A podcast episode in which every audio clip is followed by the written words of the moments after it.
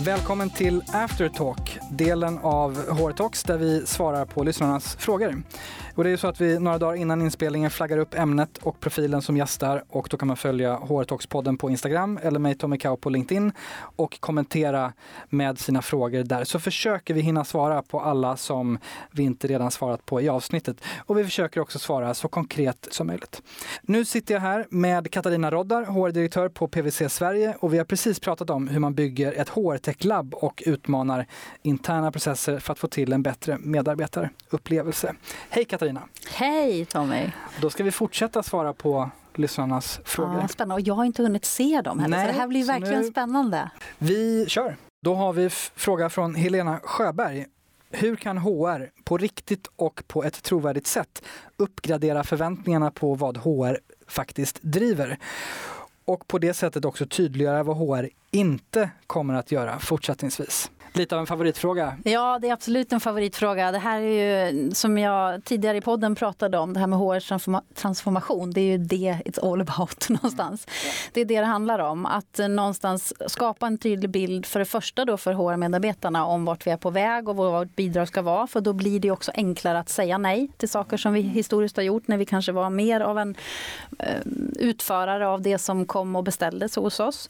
Eh, men jag tror att det också handlar om till verksamheten att bidra till och vara otroligt nära affären eh, i vad vi har för initiativ, vad vi sätter för mål, eh, vad vi har för olika processer som vi utvecklar och varför vi utvecklar dem och att där ta ägarskap eh, som HR och inte sitta och vänta. Utan jag tror att det handlar mycket om att ha modet i att jag gillar inte riktigt att säga att ta för sig, men någonstans är det ju det det handlar om. Att mm. våga stå där, vara på barrikaderna ibland också.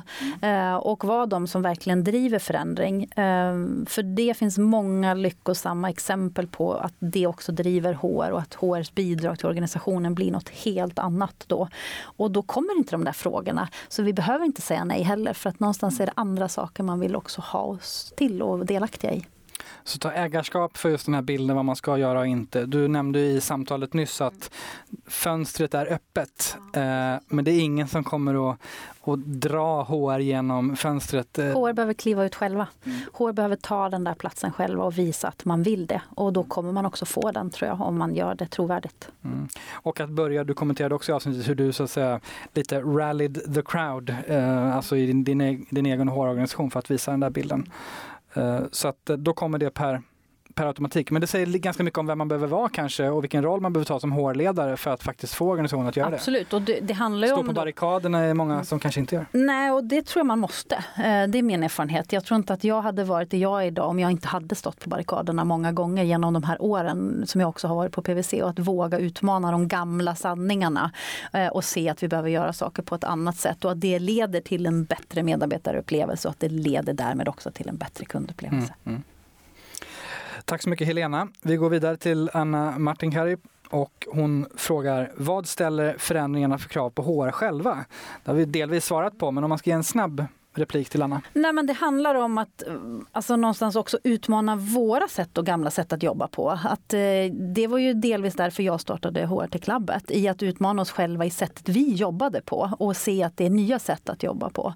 Eh, att bara för att jag har gjort de här arbetsuppgifterna alltid så är det inte så de ser ut framåt, utan de kommer till exempel delar en chatbot ta hand om och det innebär att jag kan fokusera på mer värdeskapande rådgivning till exempel till chefer än att sitta med administrativa saker. Eh, men det kräver ju också att man då vågar implementera och testa nya saker. Eh, också som är kopplade till teknik i synnerhet. Och våga lära sig nya saker. Definitivt. Ja, men det, måste man, det måste man ju då. Eh, det är ju det som är utvecklingen men det är samtidigt det som är det otroligt roliga med det här då. Och vilka möjligheter det finns att mm. utvecklas mm. inom just HR-området. Men kraven på HR själva handlar mycket om lärande och eget lärande. Absolut, och utmana sig, utmana sig själv och inte vara fast i det gamla. Och också våga utmana hela organisationen därmed med nya sätt att jobba. För återigen, det är ingen som kommer att komma och beställa det av HR. Och HRT Clubbet är en konkret grej, men vad kan vara något annat konkret för att liksom pusha HR själva och för att HR konstant ska lära sig och våga det? Nej, men jag tror det handlar om att ha en omvärldsbevakning. Mer mm. det här att verkligen vad händer, vad är trender och vad är det vi gör och hur gör andra bolag? Att våga ha utbyte med varandra. Det har ju varit det häftiga med HRT Clubbet och den uppmärksamhet det har fått. Det har inneburit att vi har fått besöka många andra bolag och vi har besökt även andra bolag och också haft utbyten. Vi har inte bara pratat om vårt HRT Club utan vi har haft utbyten om hur är det i din organisation och vad leder det här till och så. Och det har ju varit fantastiskt lärorikt. Och det kan ju alla bolag göra, även om vi inte har eh, ett HRT-labb att prata om. Eh, utan det handlar mer om att våga prata med varandra och lära av varandra och inte uppfinna hjulet själva hela tiden. Mm. Väldigt kostnadseffektivt också om mm. man nu tänker på en sån dimension. Precis så. Så öppna upp mer. Okej, Anna har fler frågor. Hur mäter man bäst medarbetarengagemang småskaligt och resultatbaserat? Där tror jag då på det som vi går in i nu som vi ju egentligen inte har något bevis för än. Och det är det här med pulsmätning. Att ligga väldigt nära hela tiden. Eh, ända ner på individnivå blir ju det men också utifrån då mindre grupper till att vi kan aggregera upp det till hela bolaget och se vad är det vi behöver ha fokus på. Vad är det våra medarbetare säger till oss nu hela tiden. Eh, det tror jag är en jätte jätteviktig del för organisationer. Och det är många bolag som gör det idag och säger att det är väldigt lyckosamt. Det ställer naturligtvis också helt andra krav på dig i bolaget då och ledarskapet om vi mäter sådär. För om vi då inte agerar, förändrar eh, på det som kommer från medarbetarna, ja då blir medarbetarupplevelsen väldigt dålig. Ja, jag, kan, att, jag, kan, eh, jag, kan, tänka mig att Anna också ställer den här frågan i kontexten eh, man är mellanchef eller teamchef och så, ja. därav det småskaliga, men ja. också att resultat, ja. vad gör man med det? Liksom? Ja. Mm. Och jag tror att där behöver man jobba på alla nivåer. Både utifrån att det blir upp till individen väldigt mycket men också då att i mindre grupper, vad gör vi med det här till att vi som bolag, och jag menar jag ser ju fram emot att sitta i vår företagsledning och visa en del av det som kommer i det här och också förhoppningsvis motivera, driva förändring framåt utifrån vad vi behöver ha fokus på. När kommer du kunna göra det?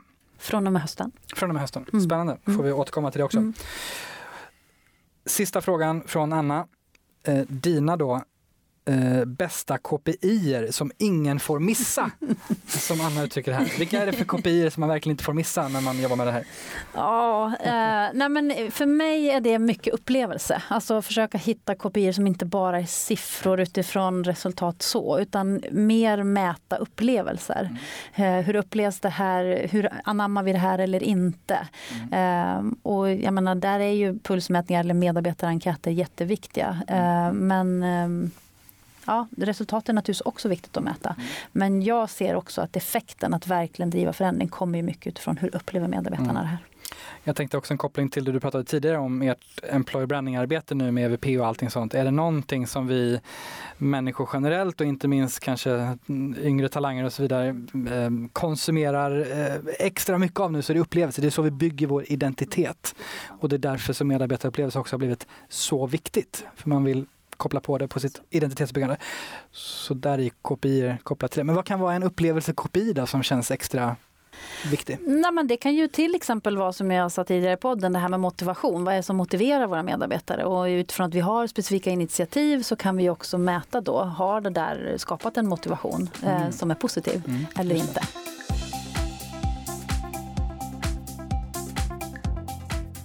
Vi går vidare till eh, Siri Vikander som undrar vilken projektmodell som ni valde för att stötta New Ways of Working och fungerar den för alla typer av projekt och använder HR den nya projektmodellen också? Siri är så strukturerad som pratar om projektmodeller. Ja, Siri, ja. Härligt Siri. Uh, nej men, um, jag skulle inte vilja säga att vi har använt en specifik modell till alla våra projekt. Uh, I sådana fall är det pilotprojekt. pilotmodellen, pilotmodellen uh, skulle jag vilja säga. handlar mycket om det här att prata om varför vi gör det, att få med ledarna och hålla dem informerade och uppdaterade så att de inte blir de som gör motstånd någonstans och vara transparenta i det.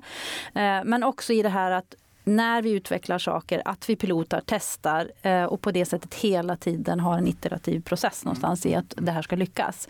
Så jag kan inte säga att det är en specifik projektmodell vi har använt. Eh, vi har nog använt lite olika till olika eh, delar. Men kärnan av det har hela tiden varit just det här att vara transparenta och kommunikativa, information så mycket vi kan någonstans.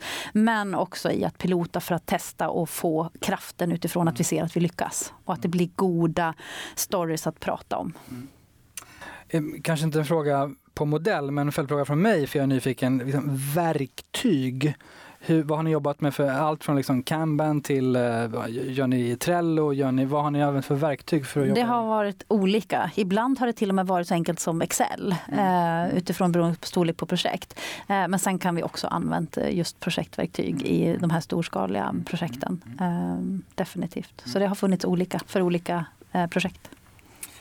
Okej, tack så mycket Siri för frågan. Vi ehm, tar en annan fråga från Johan Bok som undrar hur mäter de att de lyckats skapa en bättre medarbetarupplevelse? Det vill säga den uppnådda effekten och värdet. Och vilka är nyckeltalen de arbetar eh, efter? Ehm, Eh, sen vad var utgångsläget, men de andra två? Mycket har ju varit i det här löpande, att följa upp, att vi ser att cheferna hör och ser att, det, eh, att de tycker det, det, vi gör är rätt. Mm. Men våra medarbetarundersökningar definitivt visar ju det utifrån att där får vi de ärliga svaren. Vi hoppas också att pulsmätningen ska ge det ännu mer. Eh, men sen handlar det också mycket om anammar man de nya till exempel arbetssätten.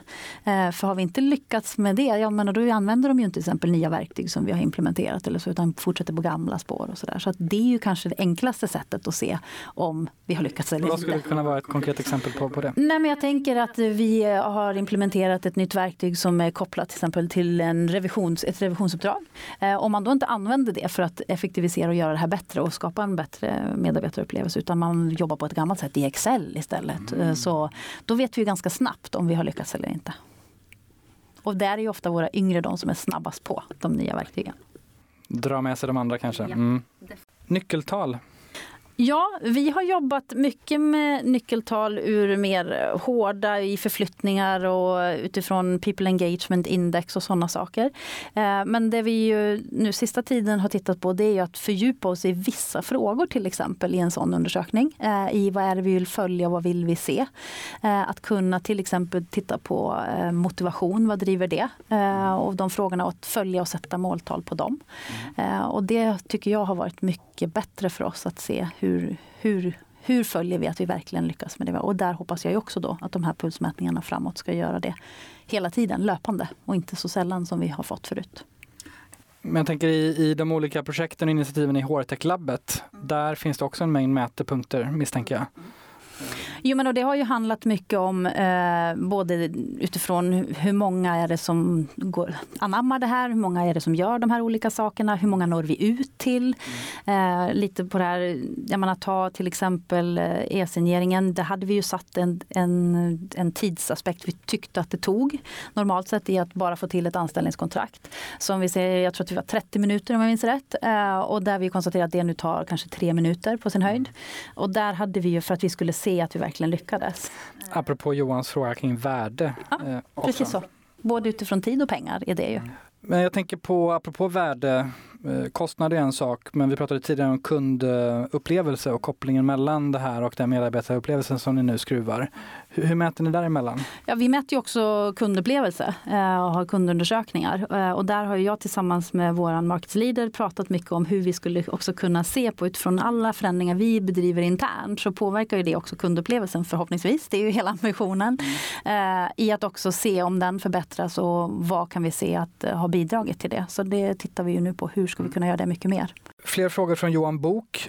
Vilka har varit de barriärbrytande aktiviteterna i den här förändringen som ni har de barriärbrytande, ja men alltså då tror jag att vi ska säga att det är kopplat till det här med um, sättet att jobba exempel på ett revisionsuppdrag. Mm. Som ju är ett väldigt mycket hantverk ser man det ju som, alltså i att jobba med revision. Eh, och det vet jag att vi pratade om i revisionsledningsgrupperna för länge sedan. Ja, men hur ser det hantverket ut då om fem till tio år utifrån att vi vet att vi kan bli disruptade?